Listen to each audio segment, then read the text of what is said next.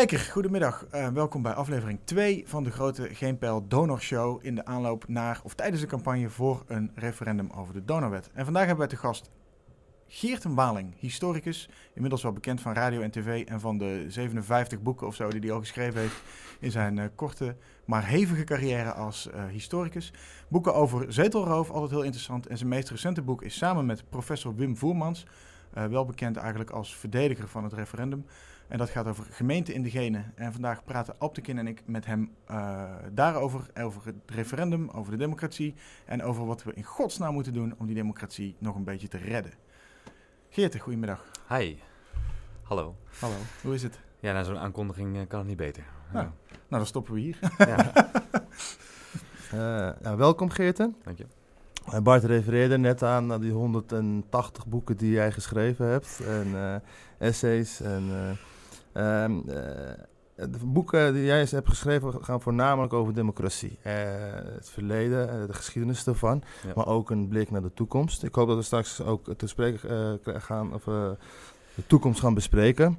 Maar ik wil even terug, een stukje terug de geschiedenis in. En, en voornamelijk een stukje Nederlandse geschiedenis, hoe de democratie hier is ontstaan. Hè? Want het is, we hebben een vrij jonge democratie.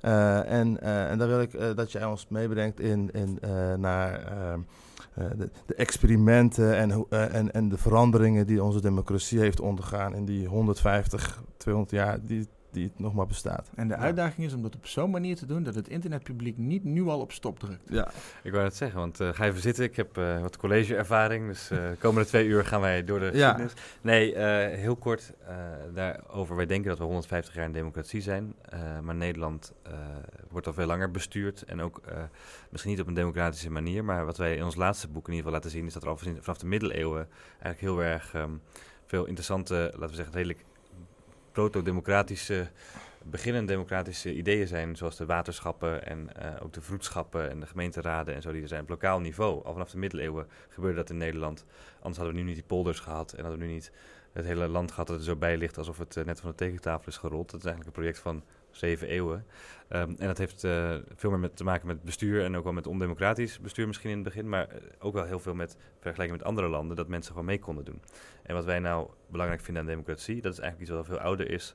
Uh, het idee dat uh, er een soort eigenaarschap is, dat mensen zich als burger eigenaar voelen van het bestuur. En ik weet niet of jij of, jij, of wij ons eigenaar voelen van wat er in Den Haag over ons beslist wordt of in de gemeente waar we wonen. Maar dat is um, over het algemeen tegenwoordig heel lastig, omdat het heel erg technisch is. En dikke dossiers en ingewikkelde ja. thema's. En het wordt altijd lekker ook um, door politici uh, wordt er omheen gedraaid. Maar dat is eigenlijk waar het om gaat. Eigenaarschap, dat je je kunt herkennen, dat je ook mee kunt doen. En daar gaan we denk ik vandaag over hebben. Want uh, ja. daar gaat het zowel over als je kijkt naar nieuwe partijen, zoals Denk of Forum voor Democratie. Eigenlijk allebei de kanten. Nieuwe partijen die meedoen met verkiezingen uh, en die ook zetels kunnen halen. Dus een soort inclusiviteit van de democratie. En een, stuk, ook, die, een stukje eigenaarschap proberen te claimen eigenlijk. Ja, ja die zelf ook. Hè, dus doordat je dus beter vertegenwoordigd voelt, want je voelt, je, uh, wordt, want je voelt je niet vertegenwoordigd door de partijen die er zijn. Dus dan ga je maar een eigen partij oprichten. Dat is eigenlijk heel mooi dat Nederland kan. Dat is in andere landen veel moeilijker. En een andere punt is het referendum. daar zit het ook in dat er ook een soort eigenaarschap is dat je het gevoel hebt van ja, maar dit besluit hebben we toch samen genomen.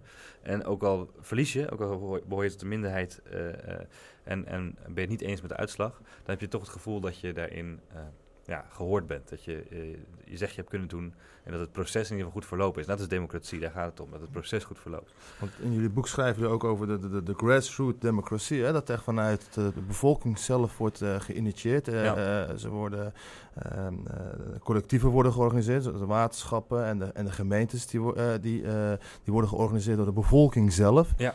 Uh, maar we hebben echt uh, pas uh, met Torbeck hebben we volgens mij de stelsel gekregen zoals we die nu hebben. Ja, um, dat is een beetje de parlementaire democratie. Die is vanaf 1848 zo ontstaan, of nou ja, gevestigd met dat de koning niet meer eigen macht had. Hè? Dus ja. dat de ministers verantwoordelijk zijn. Dat betekent dus eigenlijk dat, dat, de, de, dat de democratisch verkozen Tweede Kamer verantwoordelijk is of verantwoordelijkheid kan eisen de koning geen macht meer heeft. En daarna, uh, toen nog met censuskiesrecht, hè, dus dat alleen de rijke mensen mochten, rijke mannen mochten stemmen. Maar vanaf 1917, 100 jaar geleden ongeveer, mocht het dan algemeen kiesrecht. En toen zijn we echt, wat dat betreft, een volwaardige democratie geworden, of een representatieve democratie geworden. Maar dan wel zonder Uh, referendum. Dus het is altijd wel ja. via, het is eigenlijk meer een parlementaire democratie. Mag ik daar eens een stelling in gooien? Ja, tuurlijk. Uh, hebben ze in die 100 jaar, die, die uh, representatieve democratie, die hebben we nu dus zo'n 100 jaar, hebben ze die op zo'n manier verfijnd dat ze daarmee, dat ze binnen, het, binnen wat Nisko Dubbelboer de bestuurdersdemocratie noemt, het systeem zo verfijnd hebben dat ze de burger eigenlijk weer een beetje hebben buitengesloten door, uh, uh, nou, een, een, ja, Thierry noemt het partijkartel, op te richten, fractiediscipline. Maar ook door het allemaal zo ingewikkeld te maken dat de suggestie bestaat dat je alleen verstand hebt van, van onderwerpen en wetten en bestuur van het land als je een gepokt en gemazeld of doorgeleerd politicus bent. Ja, en zelfs dan, uh, want als je lid bent van een grote fractie, dan heb je je eigen dossiertjes en dan heb je ook, word je niet geacht de mening te hebben over andere thema's. Dus dan de overspecialisatie ook van die, laten we zeggen, het bestuur, het, het uh, technocratisch bestuur, dat is een, echt een groot probleem, want dat, dat sluit de burger buiten. En dat is nu het geval, dat zie je dus ook in die grote partijen gebeuren. Daarom ontstaan er ook nieuwe partijen, daarom is er ook onvrede. Ook 50PLUS is daar een voorbeeld van, of Partij van de Dieren. Um, voor de dieren moet ik zeggen. Die zijn uh, ook voorbeelden van nieuwe partijen die opkomen, omdat er uh, te weinig uh, ruimte is voor de stem van de kiezer, die daar over bepaalde thema's mee wil praten. Nou, ja. en dat, dat, ik denk dat dat het probleem is, dat, dat zeg je heel goed, sinds de afgelopen, nou ja, in die afgelopen honderd jaar leek het even heel inclusief. We hebben een partijendemocratie gekregen, waarbij echt via de partijen dan echt de burger beter vertegenwoordigd werd. Mocht ook gaan stemmen, ook vrouwen mochten gaan stemmen. Um, nou, dat, dat leek allemaal goed te gaan. Maar uh, juist vanaf de jaren, denk vanaf de jaren 80 uh, is het de, wat normaal de verzuiling was. Dat de elite goed contact had met uh, de, laten we zeggen, mensen op de werkvloer met de poten in de modder en in de samenleving. En gewone mensen. dat was in die zuilen redelijk goed geregeld. De leiders van de katholieke partij hadden met de normale katholieke achterban heel goed contact. En met de socialistische zelf was dat hetzelfde, et cetera. Maar nu is het zo dat er eigenlijk een soort horizontale verzuiling is, waarbij de hoogopgeleide het hele bestuur domineren bijna 100% van de, de, belangrijke bestuursfuncties in onze samenleving worden bezet door hoogopgeleiden. En dat de laagopgeleiden juist daar buitengesloten worden. En dat er meer gekeken wordt door die hoogopgeleiden naar is het bestuur efficiënt, effectief, is het wat we willen, uh, is het duurzaam, is het et cetera. Maar dat er niet meer gekeken wordt naar wat nou het democratisch draagvlak is, dus wat de burgers nou zelf en dan, uh, krijg je, dan krijg je dus enerzijds, uh, is de PvdA daar een heel goed voorbeeld van, denk ik. Van een voormalige arbeiderspartij ja, verworden tot een uh, wat regentistieke bestuurderspartij. En misschien is ook D66, daar een voorbeeld van, van een partij die wil, voor vernieuwing binnenkwam en nu lijkt te willen regeren per Excel-sheet. Die burgers meer in een vakje passen van nou, wat zijn de kosten, wat is een kosten-batenanalyse van een burger? Een businessplan uh, op de burgers losgelaten. Een bestuurlijk businessplan. Het gaat eigenlijk voor al die middenpartijen. CDA heeft ook uh, altijd meer, uh, had, had vroeger veel meer voeling met de echte boeren en de, uh, en de mensen in de, vooral in de provincie. Eigenlijk is de enige partij waar je dat nu nog duidelijk aan kan wijzen, is denk ik de SP waar de, waar de Kamerleden nog wel echt in, in korte lijntjes in contact lijken te staan met hun achterban en de idealen daarvan. Ja, klopt. En, en SP heeft uh, alleen te lijden onder natuurlijk het feit dat uh, links zijn heel lang niet samen hoort te gaan met kritiek op immigratie en zo. Dus daar hebben ze veel verloren en daar verliezen ze nog steeds wel. Dat, daar worstelt ook Lilian Marijnissen mee, dat zie je. Maar wat betreft contact met uh, de basis, om het even zo te zeggen, heeft de SP nog wel een goede uitgangspositie. Het probleem is alleen weer dat die partij op landelijke schaal althans nog nooit bestuurlijke verantwoordelijkheid gehad heeft. Precies. En er is ook wel een één op één overeenkomst tussen de partijen die voor referenda zijn. Als je even D66 wegdenkt, want die proberen het nog een soort van, ja, uit in principe nog een soort van te ondersteunen, maar eigenlijk uh, hebben ze dat referendum gewoon een nekschot gegeven. Um, uh, en ook omdat zij zelf natuurlijk in die bestuurderspositie zitten, is, zie je juist op de flanken dat die partijen uh, voor, de, voor het referendum zijn, Forum voor Democratie, PVV en SP. Ja.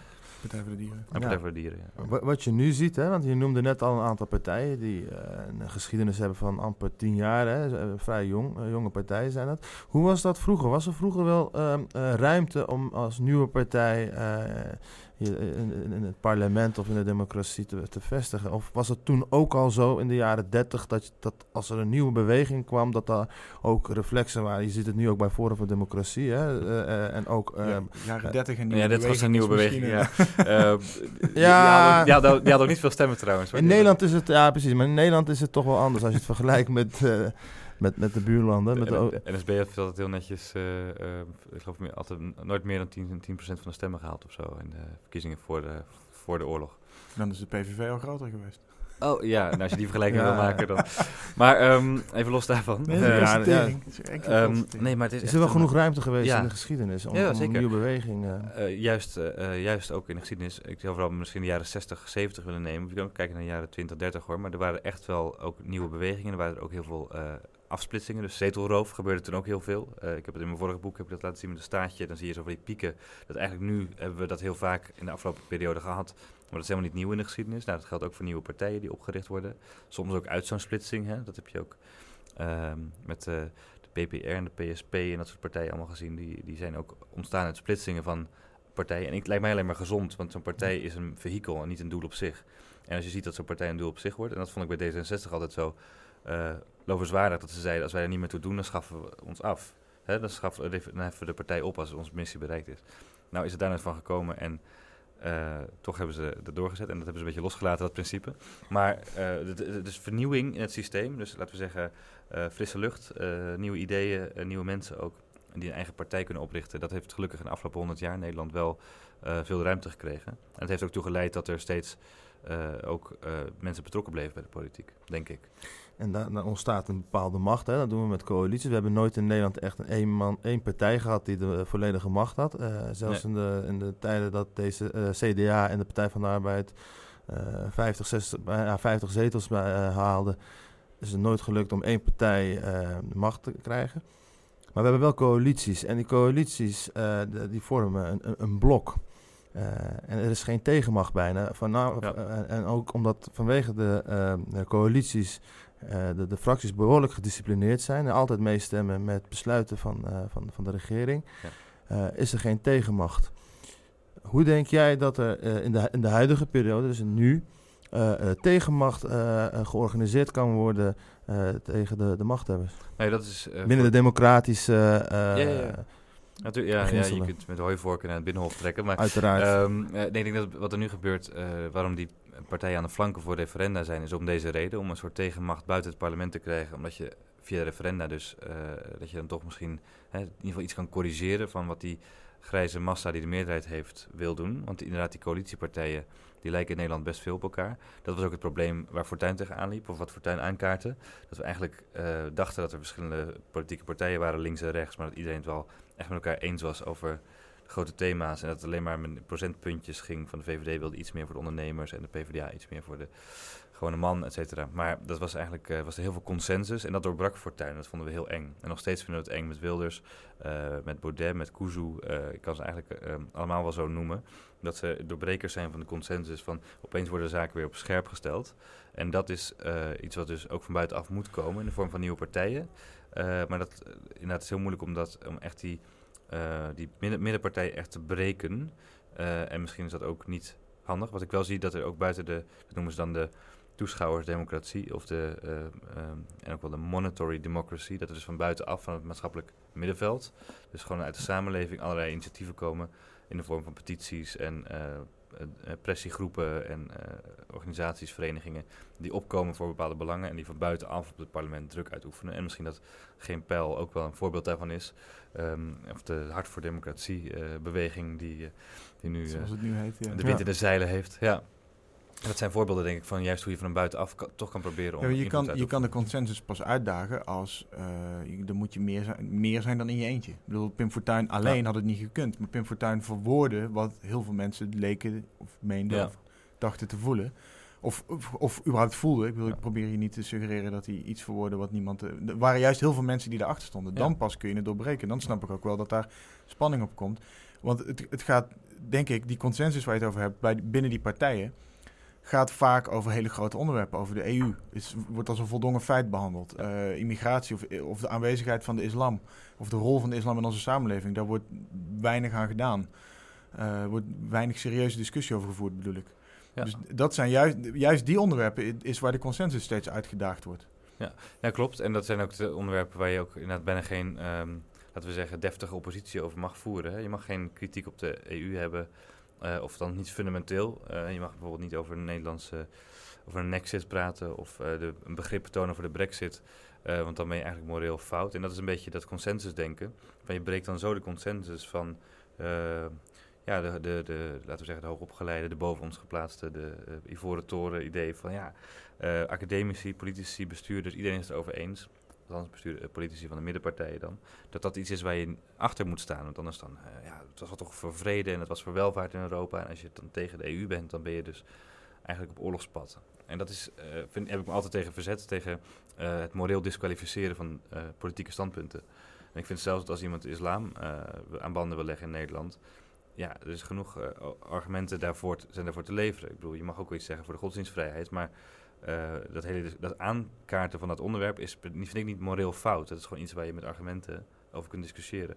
En dat is wat, uh, wat we denk ik sinds Fortuin zien. Dat, het, dat gaat heel grillig en heel lelijk. En nog steeds is dat, zit die reflex erin van sluit de deuren voor alles wat um, ja, de, de, zeg maar de, de, het, ja, de consensus aanvalt. Of het, het, goede idee aanvalt. Is, is er dan nog wel een debat? Nou, het debat is in het parlement redelijk dood. Uh, hoewel, het wordt voor de camera's nu gevoerd. Hè. Je ziet ook steeds vaker dat Wilders bijvoorbeeld verwijst naar mensen thuis die zitten te kijken.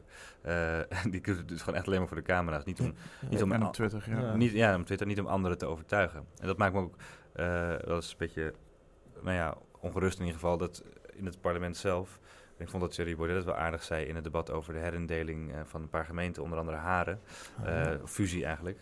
Um, waar er zoveel argumenten tegen zijn. Ik heb er zelf, en samen met Wim Voermans in dat boek ook genoemd, er zijn eigenlijk geen praktische argumenten voor zo'n herindeling meer ja. tegenwoordig. Uh, en toch blijft dat dan, uh, gaat zo'n minister en gaan die coalitiepartijen dat dan doordrukken. En daar kun je dan alles tegen inbrengen, alle redelijke argumenten tegen inbrengen. En het wordt, er wordt gewoon niet naar geluisterd. Ja. Dus je staat daar gewoon als parlementariër het is een, dan. Het is een vaststaand plan. En ja. wat je ook komt roepen, wat voor argumenten je ook inbrengt, je gaat uiteindelijk toch met lege handen naar huis. Want argument is niet wat het toe doet als nee. er in een coalitie al, of op een andere manier al andere afspraken uh, zijn gemaakt, inderdaad. Dat is, dat is denk ik wat veel mensen zo moedeloos maakt. Ik heb, ik heb inderdaad wel eens contact met mensen uit Haren. Uh, die me op de hoogte hielden van wat daar speelde. En, ja, mij ook, ja. En dat die, uh, die gingen echt met, uh, met, met, met de moed in de schoenen gingen die terug naar huis. Waaronder ook de Harense D66-fractie, die oh, daarna ja, ook echt vergaderd heeft of ze zich niet überhaupt uit D66 moesten afscheiden. Omdat zij tegen hun, hun eigen partijminister hun argumenten aan het leveren waren waarom ze tegen die fusie waren. En inderdaad gewoon, ja, ja, bedankt voor je inbreng en uh, tot ziens. We gaan het gewoon doen. Nou, dan zeg ik wat leuks. Dat, dat, dat, uh, of dan wat leuks. Het is uh, best triest eigenlijk. Het maar het is wel een, het is wel een goede observatie van die D66-fractie van Haren. daar zie je wat er bij heel veel partijen gebeurt, lokaal. Dat ze eigenlijk ook niet meer geassocieerd willen worden. In dit geval heel concreet vanwege die fusieplannen. Sorry, ik die microfoon allemaal aan te tikken. Maar die fusieplannen van Haren, dat is voor D66 Haren dan een, een, idee om misschien eruit te stappen. Maar wat er ook bij andere gemeenten gebeurt, is dat die partijen, zoals PvdA en VVD, niet meer onder landelijk partijnaam mee willen doen. En ze dus uh, in Vlieland bijvoorbeeld dit jaar voor het eerst bij de gemeenteraadsverkiezingen geen enkele landelijke partij meer meedeed, omdat zelfs VVD Vlieland, uh, een voltallige fractie en um, uh, ja. afdeling daar, heeft besloten in een vergadering, we gaan verder als nieuw liberaal Vlieland, geloof ik. want anders stemt niemand meer op ons. en dat is echt een, een ontwikkeling die je ziet, ook de opkomst van lokale partijen sowieso. Uh, dat mensen ook dus de kiezers uh, veel liever voor iets lokaals kiezen dan voor een landelijke partijnaam.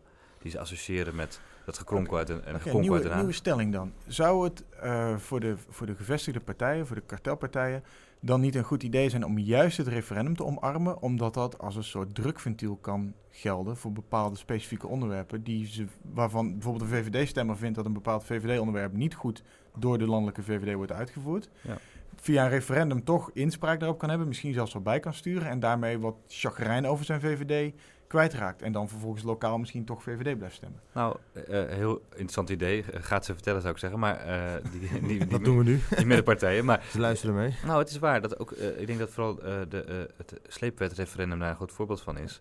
Dat er ook in die partijen zelf best wel veel kritiek op was. Onder andere bij D66, die echt in zeg, alle bochten moest wringen opeens nu voor die wet te gaan pleiten. Ook nog eens een keer in een referendum in blessuretijd dat zij zelf aan, tussen onmogelijk aan het maken waren. Nou ja, dat hele verhaal hebben we uit, uh, in de treuren meegemaakt. Maar dat, dat ze nu wel tevreden kunnen zijn met de uitkomst. Dat er een soort dat er aanpassingen aan die wet komen. Dat er dus een soort uh, een goede werking is geweest van het debat. Uh, dat aan zijn referendum vooraf gaat. Dat er mensen die tegen hebben gestemd sowieso zich kunnen herkennen in de oplossing. Want ik denk dat heel veel mensen die tegen die sleepwet hebben gestemd. misschien niet verwachten dat die hele wet van tafel zou gaan. Want er moet toch een soort wet voorkomen. En er was een oude wet en die voldeed niet meer. Dus nou, als er dan wordt geluisterd. Uh, niemand, uh, er was eigenlijk niemand in die hele sleepwet referendumdiscussie, die zei, we willen überhaupt geen inlichtingenwet. Iedereen Precies. snapt de noodzaak van zo'n wet. Er waren alleen een, een, paar onderdelen van die wet waar problemen mee waren. En dat waren serieuze problemen die inhoudelijk op tafel zijn gelegd. En die volgens mij in die campagne ook, het is geen hele grote, wilde, brede campagne geweest, maar wat er over gezegd werd, was inhoudelijk, zakelijk, uh, ter zake ook. Ja, en dus, daar, die gevestigde orde, om het even uh, simpel te zeggen, de gevestigde orde hoeft helemaal niet bang te zijn voor het referendum, hebben ze nu gezien. Als ze uh, dat gewoon, op, zelfs een tegenstem kan best vruchtbaar werken ook. Het kan best ook een correctie zijn van, nou kijk er nog even goed naar. Bespreek het nog opnieuw en verander wat dingen in zo'n wet. En dat hebben ze eigenlijk met het associatieverdrag met Oekraïne ook geprobeerd. Alleen dat was te gepolitiseerd en heel veel mensen wilden gewoon het hele associatieverdrag niet. En dat kon eigenlijk niet meer in dat proces, dus dat was een onhandig onderwerp. Nou ja, en als dan ook nog door die... Ja, daar zat, een, daar zat een natuurlijke spanning in die niet te overwinnen was. Want nee was nee, we hebben dat, we hebben dat hele verdrag weggestemd en niet delen ervan. Het ging gewoon wel of niet. Nou, we zeiden nee, vrij massaal. Uh, maar vervolgens moet een regering die uh, zijn handtekening onder dat verdrag deelt met nog 6, 27 andere landen, mm. ja, die kan eigenlijk geen kant meer op. Nee, daarom. Ja, en, en Nisco Dubbelbroer zei ook van, uh, kijk, je hebt sommige landen bestaan er ook referenda's en, en daar zijn dit soort onderwerpen ook referendabel. als dat van tevoren bekend was, dan ga je ook de onderhandelingen anders in. Ook in Europees verband en Europese dus gedragen. Eerder een ja, volksraadpleging doen. ja, nou, nou ja, het, het, of bekendmaken dat er een volksraadpleging gedaan kan worden. Dat er een referendum over uh, geïnitieerd kan worden. En, uh, en op het moment dat je dat al mededeelt, dan ga je al onderhandelingen, ook bijvoorbeeld met een Oekraïne, ga je gewoon anders in. Uh, want Denemarken en nog een paar andere landen hebben dat zo. En ja. daar wordt gewoon rekening mee gehouden. Maar, um, maar het, is ook, het, het, erg is ook dat het een, dat, dat, dat zou gewoon een leerproces moeten zijn. Maar op basis van het associatieverdrag, dat, nou ja, het Oekraïne-referendum vooral, heeft dus van de hoger opgeleide was eerst iets van 70% voor referenda. Dat is toen daarna meteen gekelderd naar onder de 40%. en nog steeds dalende, geloof ik. En dat is zo dom. Van die hoger opgeleide, maar ook van die partijen die dus daarna meteen het referendum hebben laten vallen, waaronder D66. Dat ze dus niet hebben afgewacht op een tweede en derde referendum. Dat je de, een evaluatie van die wet, van zit, die, zit überhaupt de manier waarop dat referendum organiseren, wanneer dat kan, hoeveel handtekeningen je nodig hebt, is dat, zitten we wel goed in elkaar, moeten we daar nog wat aan Wel of geen. Ja. En meteen afschaffen van die hele wetraadgevende referendum. Ja, en met het bullshit argument dat het niet heeft gebracht wat zij ervan verwacht hadden. Terwijl het niet aan de politiek is om te beoordelen wat ze ervan verwachten. Dat is aan de burger. En dan wek je alleen een suggestie dat de uitkomst van het referendum je tegenvalt. En dat is zo ontzettend uh, zo'n uh, doodzonde eigenlijk als je hebt over referenda. Want je moet nooit kijken naar de uitkomst. Die kan namelijk ongewend zijn. Dat is een democratisch proces. Je weet dat je de inhoudelijke uitkomst niet eens kan zijn als het proces maar goed verloopt. Ja, ja, nou ja, maar dat, dat is mijn voortschrijdend inzicht uh, ten aanzien van het Oekraïne-referendum. Kijk, ik vind het fantastisch en ik zou het zo weer doen. En, en ik ben hartstikke trots op wat we daarmee bereikt hebben. Dat we gewoon uh, als weblog 4 miljoen mensen de stembus hebben gestuurd. Ja. En uh, vooral ook dat we heel veel geleerd hebben in die periode. Hoe komen die verdragen tot stand? Welke belangen spelen daar? Welk touwtrekspel komt er dan? We wisten veel meer over Oekraïne en over hoe de EU werkt uh, dan daarvoor. Dan daarvoor, een associatieverdrag, ja. Maar ik ben ook gevoelig uh, en, en, misschien wel steeds begripvoller geworden voor de kritiek. Wat ik net zei, onder andere die spanning tussen dat je een verdrag niet meer in kan trekken... Ja. waar al die landen, et cetera... Maar je zag vervolgens bij de sleepwet dat uh, het publiek heel snel doorleek te hebben hoe het dan wel moest. Ja, er was geen ruzie, er was veel minder gejijbak. Er was heel zakelijk op bepaalde onderdelen zonder dat meteen hele wetten van tafel gehaald moeten worden. En weer is het de politiek die ja zegt en nee doet. Op dit moment die wet is ingegaan uh, op 1 mei, ja. uh, ongewijzigd nog. Ze zeggen dat ze wat dingen gaan wijzigen, maar de, de grote critici van die wet, Bits of Freedom, Amnesty International, die zeggen dat is niet waar. er verandert geen punt, geen komma, zegt de SP letterlijk zo. Uh, dus weer is het. Je ziet dus een, een, leercurve bij het publiek. die gewoon beter weten hoe het instrument werkt. en er ook graag gebruik van lijken te willen maken. Tegenover een politiek die zich eigenlijk die nog steeds ingegraven houdt. Ja, dat is zuur. En daarvan zou ik dus willen dat, uh, dat in heel veel gevallen als referenda niet worden gerespecteerd. Als uitslagen ervan niet worden gerespecteerd. Zoals hier misschien.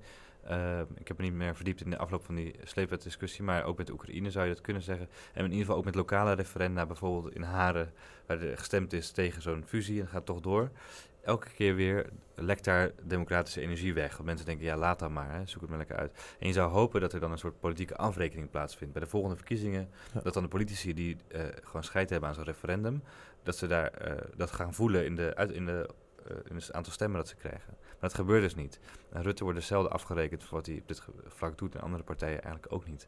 Ja, de enige partij die er is op afgerekend is de Partij van de Arbeid. Hè. Die is ja. afgelopen verkiezingen daarop, landelijke verkiezingen daarop afgerekend. Ging het echt daarover? Was het echt ja, niet alleen maar daarover. Natuurlijk spelen er ook nog andere zaken. Maar dat is ook de democratie waarin we nu, of de tijd waarin we leven. Het is meer een, een, een boer zoekt vrouw democratie dan um, uh, dat er echt inhoudelijk op het debat, uh, nou dat er een debat is. Ja.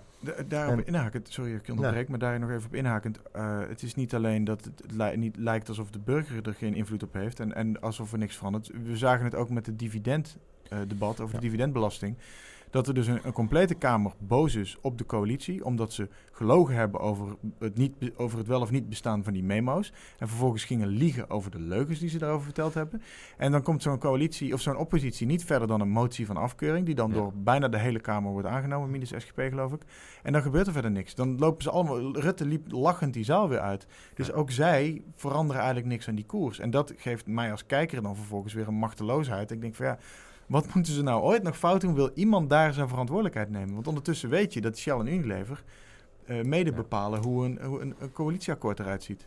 Ja, en de uh, oppositie is eigenlijk gewoon tandeloos. En dat is, heel, uh, dat is heel zuur. En die fractiediscipline maakt het nog erger, want daardoor zitten er ook geen Kamerleden van de coalitiepartijen af en toe dwars. Die denken van nou, hier kan ik gewoon hè, Daar ligt de sleutel instemmen. toch? Ja, daar ligt de sleutel denk ik wel. Alleen is hoe kun je dat uh, aanpassen. Ik heb wel eens gezegd van, nou ja, je moet er misschien elektronisch gaan stemmen in de Tweede Kamer. Dus, uh, anoniem. Dat, dat, elke, nou anoniem vind ik eigenlijk niet. Dat is lastig, leuke discussie misschien, maar ik vind dat je niet anoniem moet stemmen, want je moet iemand verantwoordelijk kunnen houden voor zijn keuzes.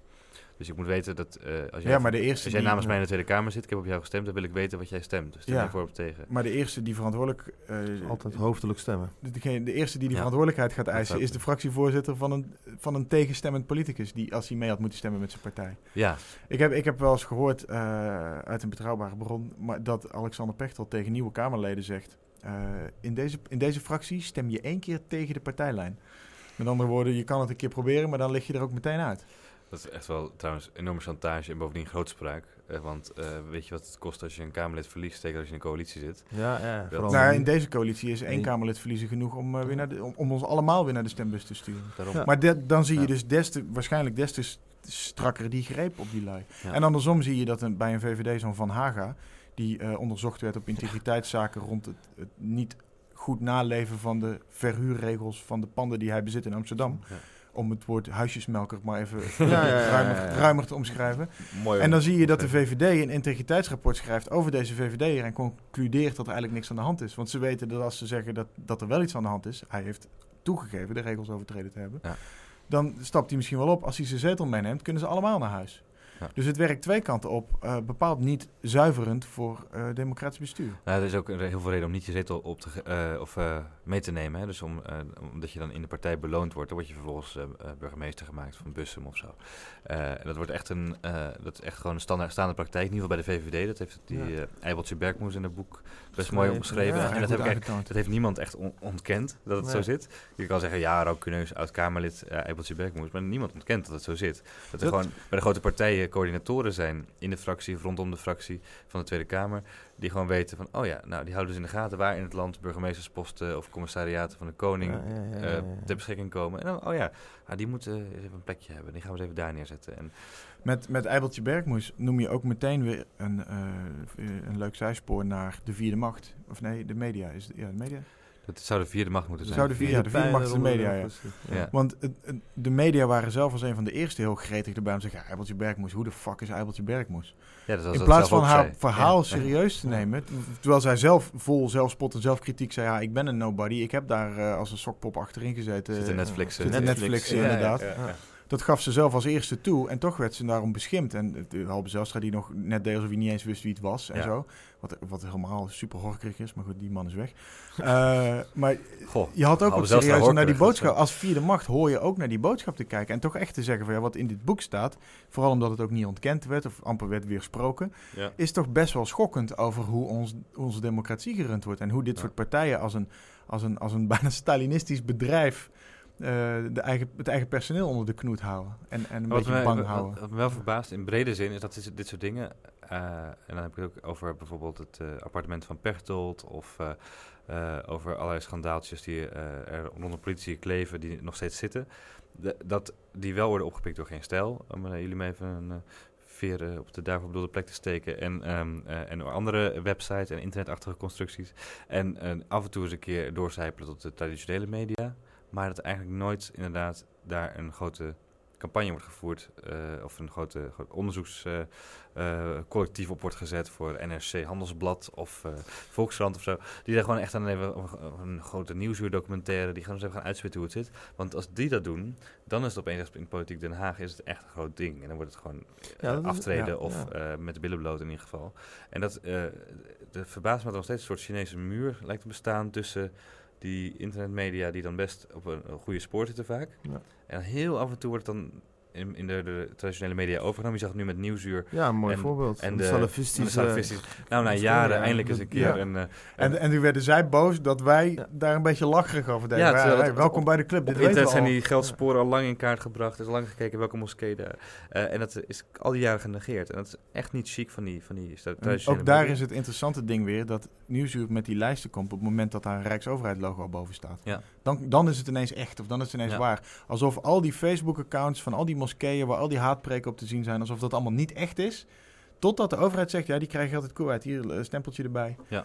Dat, het enige toegevoegde waarde was dat er een lijst was die blijkbaar was, uh, onder de pet was gehouden. Hè. Dat, was, daar ging dat was nog interessant uh, nieuws, vond ik. Maar het feit dat het gebeurde... Uh, ja, dat was geen nieuws. Dat was, voor van, niemand op internet was dat nog nieuws. Nee, nee, totaal niet. En dat is heel raar dat dat nog steeds zo werkt. En ik, ik kan me alleen maar voorstellen dat naarmate het internet zeg maar, nog meer onderdeel wordt van onze nieuwsvoorziening en dat de traditionele media nog meer kampen met leegloop. Uh, dat het eigenlijk op dat, wat dat betreft wel louterend is. Uh, ik hoop wel dat er veel professionele journalisten blijven die goed werk verrichten.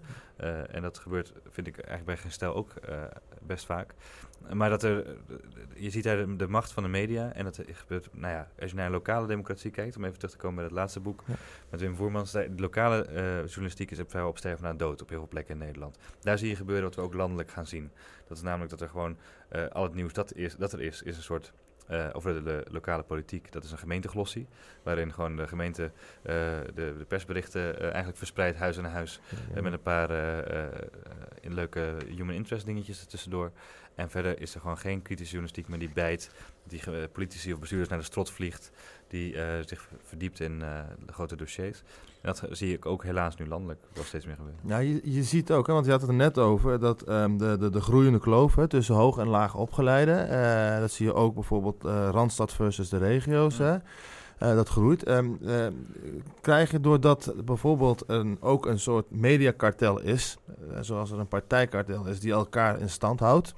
Ehm, eh, dan, dat, daardoor dat de, zeg maar de burgers, hè, dus de laag opgeleide burgers, alternatieven gaan zoeken. Bijvoorbeeld op Facebook uh, naar nieuws wat niet verifieerbaar is of, ehm, of disinformatie is. En waardoor zeg maar steeds meer naar de flanken toe wordt gestemd. En, ik denk het wel. En het is natuurlijk wel zo dat die burgers zelf ook niet meer zo bereid zijn om voor nieuws te betalen. dus dat is ook een beetje verwenning, verwendheid van de burger misschien. Maar aan de andere kant, ik keek laatst per ongeluk weer het 8 uur journaal. Um, en uh, dan, is, dan, valt me op dat, uh, dat uh, hoe kinderlijk de toon is die wordt aangeslagen. En ik kan me voorstellen, ook al heb je geen opleiding en heb je geen, ehm, misschien geen heel uitgebreid vocabulaire, maar dat je zelfs dan beledigd bent als je dit paternalistische toontje ziet. Even los van de inhoud van de berichtgeving en welke kansen daarin kiezen, welke keuzes ze maken. Maar alleen door de toon van de presentator, de korte zinnetjes, de simpele woordjes. Zelfs dat moest worden uitgelegd dat bijen uh, bedoeld waren om bloemetjes uh, te bestuiven. En dat het daarom een probleem is dat de bijen uh, doodgaan. En, heel echt, nou, het, ik snap echt niet dat mensen daar überhaupt zich laten, dat laten gezeggen. Dus op zo'n manier laten behandelen. Nou ja, dat is dan, je zou zeggen dat, dat het journaal dan voor hoger opgeleide mensen is. Hè? Dan word je ook nog eens zo behandeld. Maar, want kijk, uh, het referendum, hè, wat je, je noemde het zelf ook, bij het referendum, wat was echt een, een ding van hoog opgeleide. En dat is na het Oekraïne-referendum zag je dan een ommekeer dat steeds meer laag opgeleide uh, weer uh, hun stem wilden laten horen door middel te gaan stemmen en tegen te gaan stemmen. Hè? En bij het Oekraïne-referendum werd van alles en nog wat bijgehaald. Alleen bij de WIF was het juist andersom. Dan ging het echt inhoudelijk en, en, en er was een debat. En dan hopen wij straks ook door te trekken richting de, de, de donorwet. Want dat is na, daarvan denken wij, dat is nou bij uitstek een, ja, een goed onderwerp om een referendum over te houden. En te meer omdat partijen, het is ook geen partijprogramma geweest bij, bij geen enkele partij. Nee, en het loopt zelfs door partijen heen. Hè? Dat is het leuke ook met die uh, sleepwet, zou je kunnen zeggen. Binnen, binnen partijen ook discussie, wat vinden hier nou eigenlijk van? En het is helemaal niet duidelijk hoe de kampen verdeeld zijn. En dat is bij die donorwet helemaal uh, ook het geval. Dat mensen ook denken van ja, nou, ik ben eigenlijk wel voor dat er orgaandonatie gewoon door de staat wordt geregeld in principe. En dat je, hè, zoals het systeem nu is geregeld in een nieuwe wet. En er zijn denk ik net zoveel mensen die dat wel goed vinden als mensen die denken, ja maar wacht eens even, daar gaat de staat niet over. En die andere argumenten hebben. Ja. En dan heb je eerst een debat wat heel goed werkt.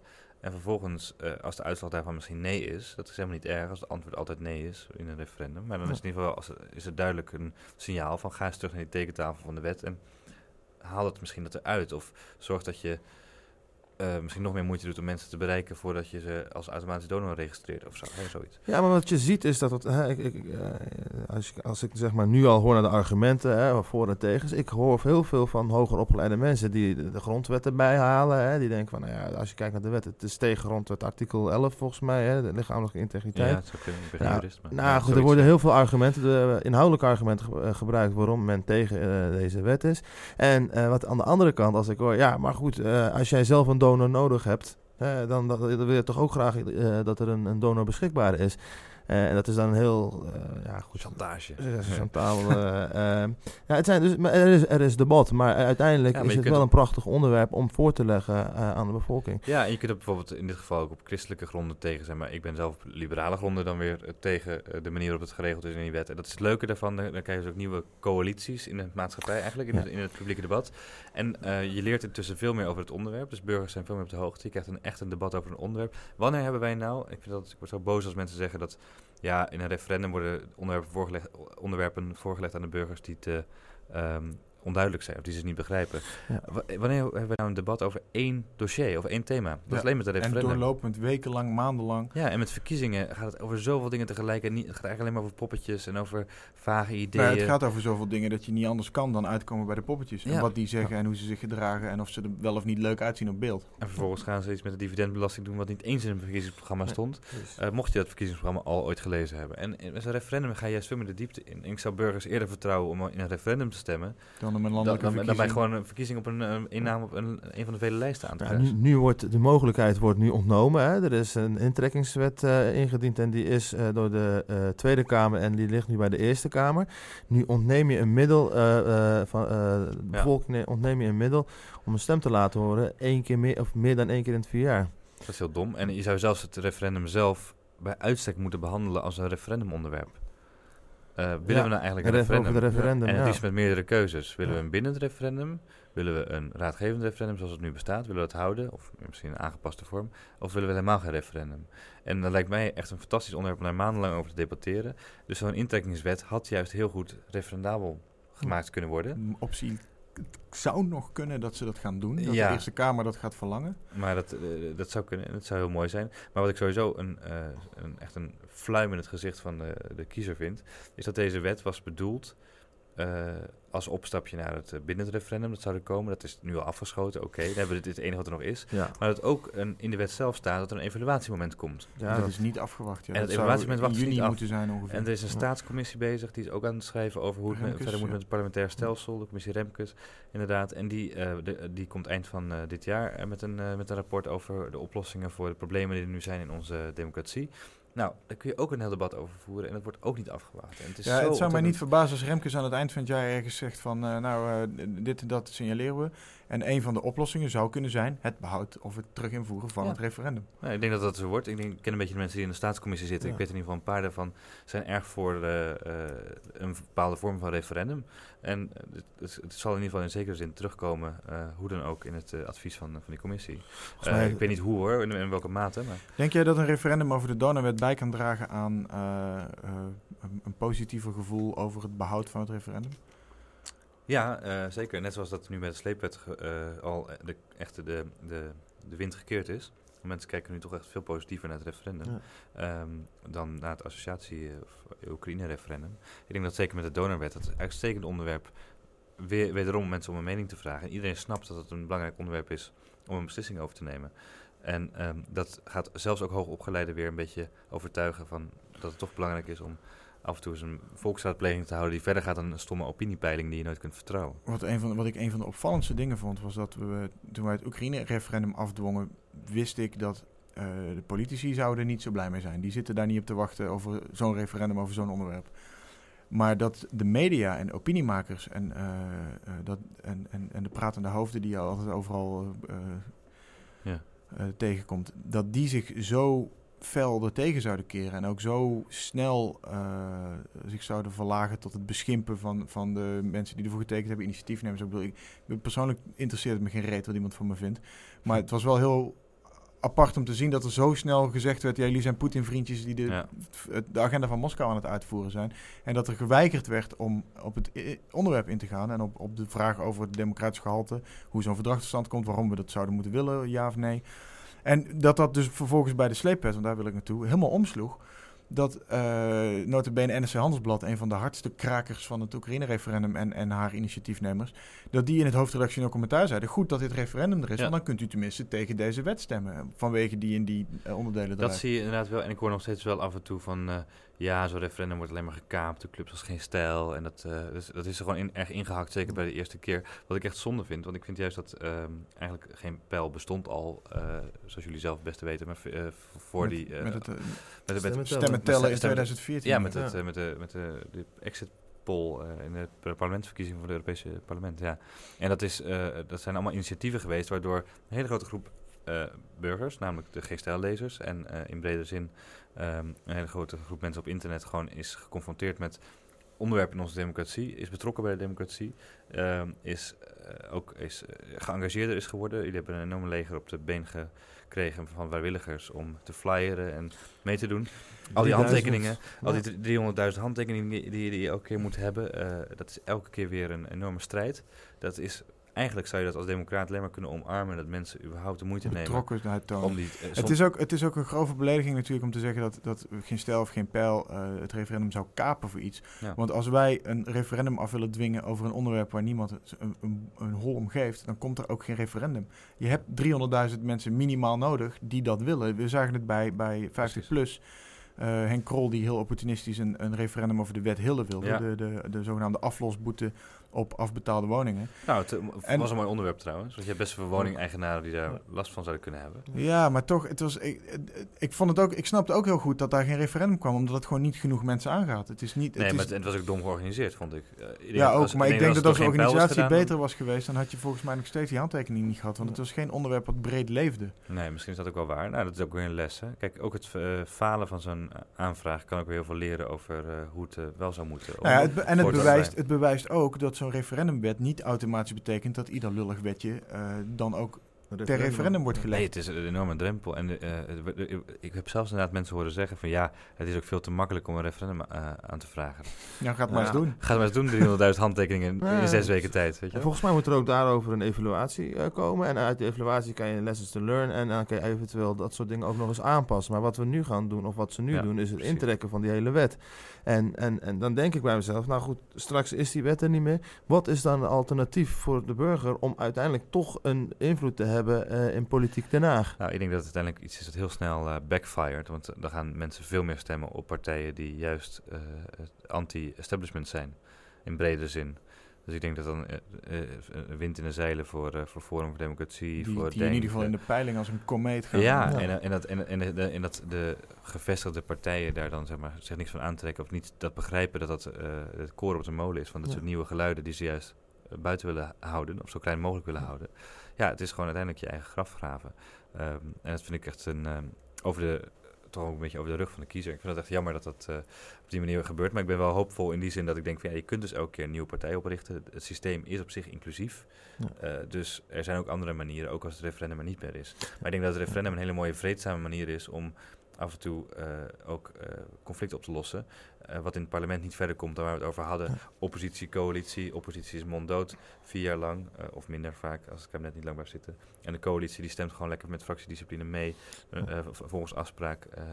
Ja, mag tegen mag en die tegen mag is. Het is alsnog bijna een soort eenpartijstelsel, zolang die coalitie met elkaar eens blijft. Ja, en dat is een, een analyse. Het partijkartel waar Baudet altijd over heeft, is eigenlijk wat door politicologen bijna niet wordt ontkend. Uh, dat, er wordt al 50 jaar over gepraat in de politicologie, hoe dat werkt. Kartel ik weet niet of hij dat woord zelf bedacht heeft of dat hij een nee. spindokter had die het hem heeft aangedragen. Maar het is natuurlijk, want Baudet is zelf op en top elite. elite. Een jongen uit de grachtengordel met een uh, klassieke, uh, enorm klassiek ingesteld, klassieke studie. Een beetje, beetje piano spelen. zweverige bon vivant is het in sommige opzichten. En als hij als hij de elite verweten had elite te zijn, dan, ja, dan die bal kaats terug. Maar hij noemde het partijkartel. En niet, dat was niet alleen een goed woord om zichzelf een beetje afstand te geven, maar ook omdat het echt zo is. Mensen zien wat je bedoelt. En in één woord vat je samen wat wij eigenlijk allemaal zien. Ja, dat is Fortuyn het. het ook zo kunnen omschrijven. En, maar zoals ik zei, politicologen zijn het al sinds de jaren 50 of 60 erover eh, eens eh, dat er een karteldemocratie is. Dat het helemaal zo werkt, dat het zo naar elkaar toe groeit, groeit, dat je een soort systeem hebt. Dat wordt dan heel moeilijk de Ostrogorski-paradox genoemd. Maar dat betekent gewoon dat er... Uh, wil je wel een beetje NOS uh, Sorry, ja. niveau aan korte, korte zinnetjes en ja, de bloemetjes de bijtjes. Nee, um, de Ostrogorski-paradox, dat betekent gewoon dat er in het parlement eigenlijk andere meerderheden zijn dan in de samenleving omdat door het systeem van de partijen worden verkozen. Ja, dat noemen we vandaag dus bubbels. Ja, bubbels of kartel. Of, uh, maar ja, precies. En dat is eigenlijk iets wat al honderd jaar bekend is. Uh, want zo, zo, lang geleden leefde die man, uh, naar, naar wie die paradox is vernoemd. En dat is gewoon het systeem dat je dus in het parlement een meerderheid tegen het referendum hebt... en in de maatschappij een meerderheid voor het referendum hebt. En dan, dan, kom, ik dus, dan, kom, ik bij de, dan kom ik daarmee met de vraag... het gaat eigenlijk niet zozeer meer tussen links en rechts, maar meer tussen hoog en laag. Ja, nou ja, uh, tegenwoordig, uh, ik ben er eigenlijk wel voor, is het theoretisch en praktisch opgeleid.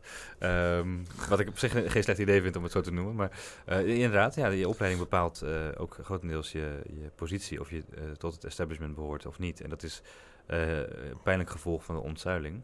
En daar moeten we echt rekening mee houden. En daarom is het goed dat er politici zijn die misschien hoog opgeleid zijn, maar die wel proberen om de, de belangen en de meningen te vertolken van de mensen die dat niet hebben. Maar is het, ja, je zegt uh, verzuiling, maar is het niet een van de puinhopen van Paars? Waarin je uiteindelijk dus ook economisch gezien, uh, vroeger ehm, eh, had je dus garanties, hè, je had PTT had je, dat werd allemaal geliberaliseerd, de, de, de, spoorwegen, noem het maar allemaal op. Ja. aan de markt overgelaten, waardoor de zekerheden minder veel. En je ziet dat dat, dat steeds minder begint te worden, hè, de robotisering. waardoor je dus een steeds grotere kloof krijgt, ook sociaal-economisch gezien. De verliezers eigenlijk van de globalisering en van de techno ja, en, en, dit is ingezet in paars. En, uh, en wat ook wel wordt genoemd het verraad van links. Hè, want het was Partij van de Arbeid die daar uh, de touw trok. En, en uiteindelijk ervoor gezorgd heeft dat uh, de, de, havens en noem het maar allemaal wat minder werk kwam. En, en dat heeft uiteindelijk ook... Derde weg, neoliberalisme. Ja, en, en, en uiteindelijk... Want als je kijkt bijvoorbeeld naar de achterban... dat, dat, is misschien wel een gevolg weer van het, het, het, het losraken van juist die achterban. Of het, hè, dus de partij even de partijelite van de PvdA die echt uh, elk contact op een gegeven moment miste met de echte achterban. En dat was iets wat in de tijd van de verzuiling, misschien kwam het niet door die verzuiling, maar in ieder geval wel zo, uh, uh, veel vanzelfsprekender was. Dat een havenarbeider gewoon ook in contact stond met de minister, bij wijze van spreken. En Partij van de Arbeid stemde. Ja, en standaard. Ook, en het ook standaard deed, dus ook weinig discussie over. En lid was van een vakbond. Ja. En dat is nu allemaal niet meer zo. nu zijn er andere middelen. Um, uh, maar je hebt ook een boek geschreven over, over uh, democratische experimenten en, uh, in Parijs en Berlijn. Hè? Ja. Nu, nu, het referendum zeg maar, wordt ingetrokken, de wet wordt ingetrokken, is er ruimte in dit land voor dat soort experimenten? Is ja, dit was in een, in een revolutietijd in, in, de 19e eeuw. waar ik over schreef. Ik weet niet of we het nu in dezelfde tijd leven, maar er wordt wel heel veel geëxperimenteerd natuurlijk. Juist internet wordt ingezet Um, door, uh, door ons. Dat ik niet te vertellen ook. Nee, maar door, uh, door ons. Maar je ziet het niet. Ik hoorde ziet... laatst van iets... Dat... Ja, een projectje. ja. ja. Uh, nee, maar je ziet dat er heel veel wordt geëxperimenteerd. Ook met um, de nieuwe manieren om bijvoorbeeld publieke debat te voeren. Dat is niet de beste manier voor gevonden. Maar allerlei platformen. Facebook en Twitter zijn misschien niet de beste vormen daarvoor. Maar nee. wel ook gewoon om op grotere schaal met veel meer mensen... Want we hebben veel meer mensen gekregen in Nederland natuurlijk dan 100 jaar geleden maar dat we ook het nog democratisch kunnen houden en de inclusiviteit ook buiten dat hele partijsysteem, wat inderdaad een beetje afbrokkelt. En mensen zijn geen lid meer, mensen lezen geen krant meer, mensen zijn geen lid meer van de vakbond. dat je wel nog een soort contact hebt. Maar waar ik me zo, vooral nu zorgen om maak, is is er nog wel genoeg samenhang in de samenleving om dat überhaupt om één doel te hebben. En soms zie je dat wel. Ik vond het rondom MH17 bijvoorbeeld. Of als we eindelijk eens een keer een voetbalwedstrijd winnen. Ehm, eh, dus negatieve en positieve momenten heb je toch wel een soort gevoel van... oh ja, er is in Nederland nog wel een soort van saamhorigheid... die ook toe leidt dat je samen... Uh, ik denk dus dat die samenhorigheid op het gebied van democratie heel sterk bestaat. Alleen dat er buitenparlementaire middelen nodig zijn, of initiatieven nodig zijn, om dat aan te boren en te verenigen. Dat is wat ik uh, op, op, op de schaal van onze campagnes, uh, nou die Kamercampagne moeten we misschien maar even vergeten, maar in ieder geval het vorige referendum, maar ook nu proef ik dat weer opkomen. Dat er, uh, we zijn weer vrijwilligers aan het werven, we hebben, we hebben weer vrijwilligers geworven die voor ons flyeren en, en de straat op gaan. En er zitten heel veel namen bij die er toen ook bij waren. En die mensen die, die zijn die zouden op zichzelf uh, niet snel iets beginnen of niet weten waar te beginnen misschien. En die hebben uh, uh, dit geen pijlinitiatief als handvat, waaraan ze zelf dan ook hun betrokkenheid daarbij kunnen laten zien. Of ze nou voor of tegen die wet zijn. Of, ze willen gewoon graag meedoen. En, en die bereidheid zit bij zoveel mensen. Maar nee, vergeet niet, Nederland is ook een land met enorm veel vrijwilligers, enorm veel verenigingen. Vergelijk tot andere landen zijn wij enorm actief en ook betrokken bij de samenleving. En dit zijn mensen, die vrijwilligers van jullie zijn ook echt mensen die uh, gewoon het, goede willen doen en willen bijdragen. En het moet inderdaad van buiten het parlement komen, want je ziet het wel, van het parlement zelf gaan we het niet krijgen. Nee. De oppositie is monddood, de coalitie is dat, is dat, dat, mijn, volgt gewoon de fractiediscipline. Mijn, ja. mijn slotvraag zou dan deze zijn. Zijn zij bang voor die vernieuwing of zijn ze, uh, uh, omdat het hen macht en invloed kan kosten, of zijn ze te arrogant om te willen luisteren? Hmm, misschien is het ook wel een soort padafhankelijkheid van die politici, dat ze gewoon denken we, dit is hoe het gaat. Wij hebben hier de macht, we bepalen dit. En dat is ook goed, want wij hebben hier verstand van. En we zijn professionele politici. Misschien zijn het ook wel goede intenties hoor, dat moet je niet uitsluiten. Maar er oh, zit, nee, maar dat, er zit zeker arrogantie in ook. En uh, wat was je eerste optie? De, angst. De angst, ja, nee, ik denk dat, en, dat, en dat zal zeker zo zijn. Angst voor... Uh, uh, beschadiging van, het, uh, van de rechtsstaat wordt altijd meteen erbij gehaald. Want democratie is op de een of andere manier gevaarlijk voor de rechtsstaat. Dat vinden mensen zoals Piet Hein Donner uh, vooral heel erg. Ja, maar dat, ja. En dat, daar zit een soort angst in, een soort demofobie. Ja. Die noemden het ook in het jaarverslag van de Raad van State dat het referendum was. ja, in ieder geval, het was geen goed middel. Nee, dat, uh, dat zei jou, dat zei jou, van, uh, in een interview recentelijk ja. zei jou, jouw schrijfvriend uh, professor Voermans, die zei inderdaad van, ja, over die opmerking van Donner dat dat heel kolderiek is, omdat er nog nooit een, een parlementaire democratie in gevaar is geraakt door een referendum. Ja, en hij, hij, haalde zelfs aan van in Brabant spreken ze tegenwoordig steeds meer van een narco-staat.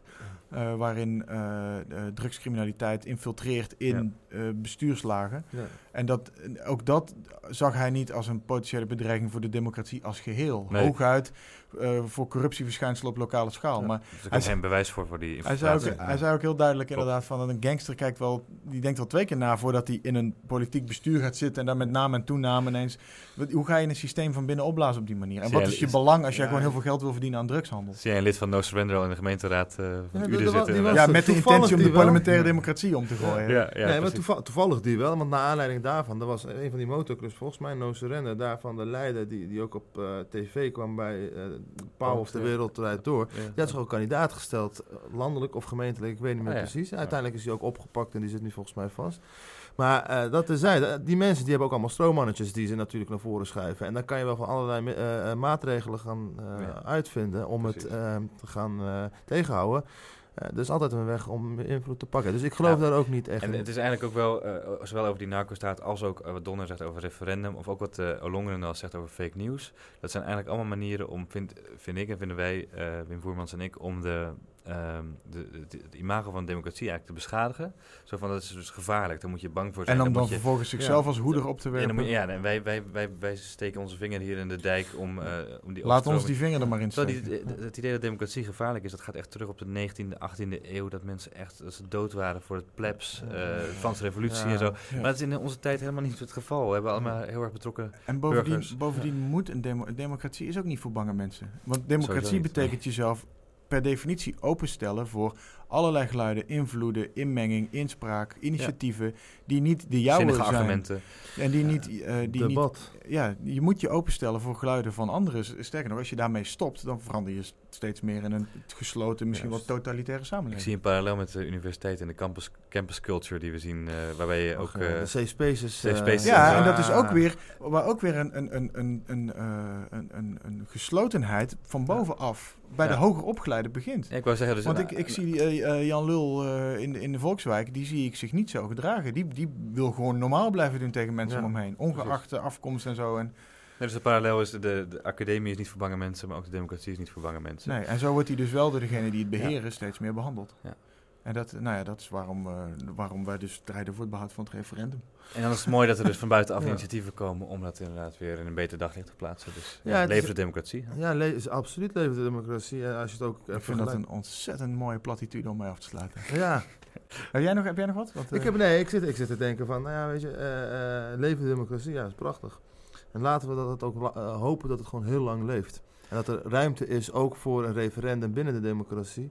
Uh, uh, onder andere voor een referendum binnen de democratie. Ik denk dat het het beste middel is binnen de spelregels om, om toch een beetje uh, verstoring te kunnen.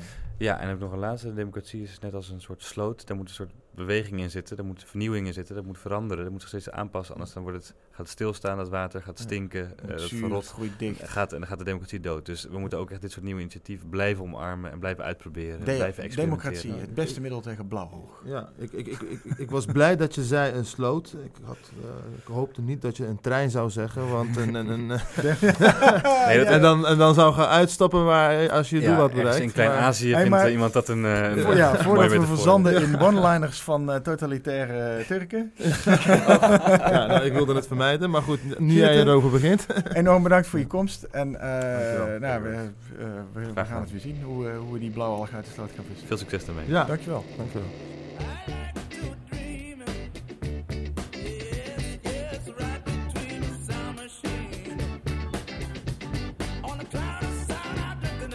Meld je aan op actie.hartvoordemocratie.nl als vrijwilliger voor uh, Hart voor Democratie, voor uh, in het cheer. Nee. Nee, nee je moet, eigenlijk moet je gewoon zeggen: wil je ook wat doen tegen blauwalg? Ja. Wil je ook wat doen tegen blauwalg? Meld je aan als vrijwilliger op actie.hartvoordemocratie.nl. Daar kan je melden als, uh, aanmelden als vrijwilliger. En dan kan je ook flyers, visitekaartjes. nou, laat maar. Doe jij het maar.